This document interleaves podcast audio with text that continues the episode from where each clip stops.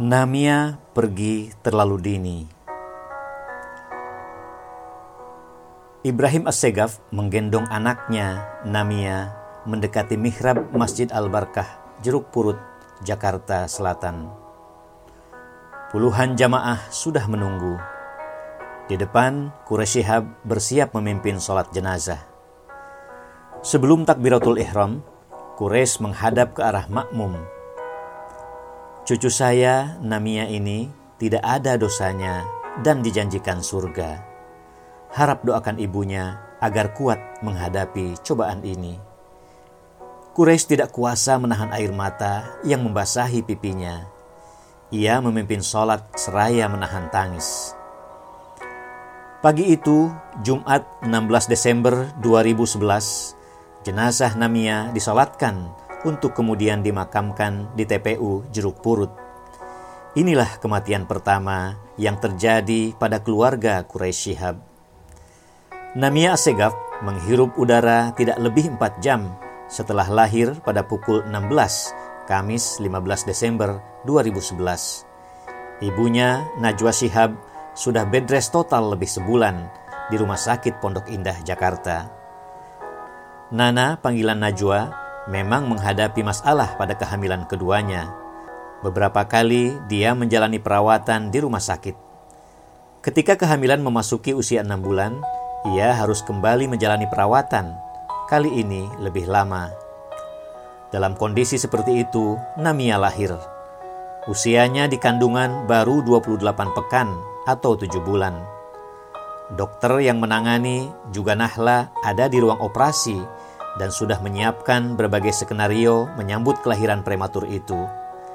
Nahla alias Hala adalah anak bungsu Quraisy yang berprofesi sebagai dokter menemani saat operasi. Tim dokter hanya punya satu asumsi, yaitu kondisi bayi tidak seperti yang diharapkan karena lahir dalam kondisi kekurangan air ketuban. Ternyata di luar dugaan, Namia lahir matur, selayaknya bayi normal dengan berat 1100 gram atau 100 gram di atas syarat medis untuk kelahiran prematur. Kulitnya merah dan bersih, matanya bulat lebar, persis mata ibunya. Dan yang membuat kagum tim dokter yang menangani operasi, Namia menangis dengan keras. Mata Nana berkaca menahan haru dan bahagia ketika jabang bayi itu diperlihatkan kepadanya. Hala sempat memotret Namia dan ibunya untuk kemudian bergegas mengabarkan berita gembira itu kepada keluarga yang menunggu di luar ruang operasi. Alhamdulillah, kita semua bergembira menyambut kelahiran itu. Kita bersyukur dan sudah mengucapkan selamat kepada Baim, lalu pulang ke rumah. Cerita Quraisy. Hanya Baim atau Ibrahim suami Nana dan Hala yang tinggal di rumah sakit. Quraisy memilih nama Namia untuk cucunya dengan mempertimbangkan proses dan kondisi kelahirannya yang beriring masalah. Namia bermakna tumbuh dan berkembang. Quraisy berharap Namia akan tumbuh dan berkembang sempurna meskipun lahir prematur. Namun, baru beberapa saat sampai di rumah, Hala mengirim pesan melalui BBM. Dia memohon kepada ayahnya dan seluruh keluarga untuk mendoakan Namia karena kondisinya mengkhawatirkan. Namia dimasukkan alat khusus karena paru-parunya tidak mengembang. Dokter pun tidak bisa menjelaskan mengapa itu bisa terjadi. Salah satu kemungkinan dampak dari air ketuban yang menipis semasa di kandungan. Mereka cukup surprise karena Namia bisa bertahan beberapa jam tanpa dukungan fungsi paru-paru. Quraisy dan istri bergegas kembali ke rumah sakit di ruangan khusus, mereka melihat Namia tengah di dekat Nana. Quraisy menangis dengan keras sambil berteriak, "Sempurnanya Namia!" Menurut kesaksian anak-anak, Abi tergolong orang yang jarang sekali menangis. Dia hanya menangis ketika ibundanya berpulang. Kali ini, dia tidak bisa menahan tangis, bahkan menangis dengan keras. Dengan wajah pucat dan berbaring di ranjang, Nana memeluk erat Namia. Air mata meleleh di pipinya, tapi tidak ada isak tangis. Kures bisa merasakan betapa sedih dan terpukul hati anaknya. Ia membayangkan bagaimana Najwa berjuang untuk mempertahankan kehamilan sampai akhirnya bisa melahirkan bayi yang begitu cantik dan sempurna. Tapi takdir Allah telah berlaku dan tiada setitik pun kuasa manusia bisa menolak. Tiada ikhtiar apa pun jua untuk bisa menghindar.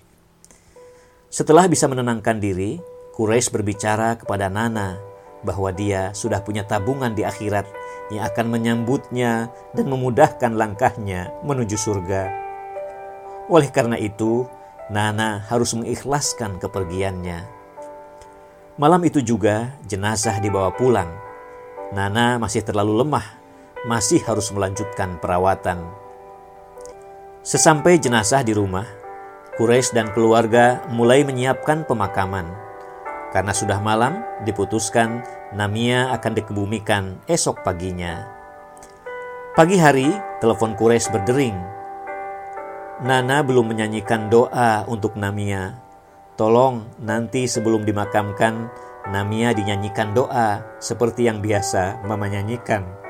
Suara Nana terdengar tegar di ujung telepon. Batin Kures dicekam keharuan tak terperikan merasakan ketegaran anaknya itu. Dengan menahan tangis, dia menyanggupi permintaan itu. Hal lain yang membuat hati Quraisy tercekam kesedihan adalah sikap Izat, anak pertama Baim dan Nana. Izat sempat menangis meraung-raung. Dia tidak bisa menerima kenyataan adik yang telah ditunggu kehadirannya sekian lama harus berpulang begitu cepat. Belum sempat dia menggendong dan mengajak bermain. Di usia yang sudah 10 tahun, Izat sudah lama merindukan hadirnya seorang adik. Dia sangat gembira saat mamanya hamil dan menunggu dengan penuh harap kelahiran itu. Sebelum adiknya dimakamkan, Izat minta kain yang dipakai untuk membungkus jenazah Namia. Dia ingin menyimpannya sebagai kenangan abadi untuk sang adik. Ini adalah salah satu cobaan terberat dalam kehidupan kami, kata Quraisy. Dalam berbagai tulisan dan tausiah, Quraisy menekankan bahwa kematian sesungguhnya adalah sebuah kenikmatan. Kesempurnaan manusia baru tercapai setelah wujudnya meninggalkan bumi, seperti anak ayam keluar dari cangkang telur. Tidak patut kematian disesali secara berlebihan. Tapi Namia pergi terlalu dini. Perjuangan Nana, ketegarannya menghadapi cobaan, ekspresi kehilangan izat menenggelamkan Kures dalam duka yang dalam.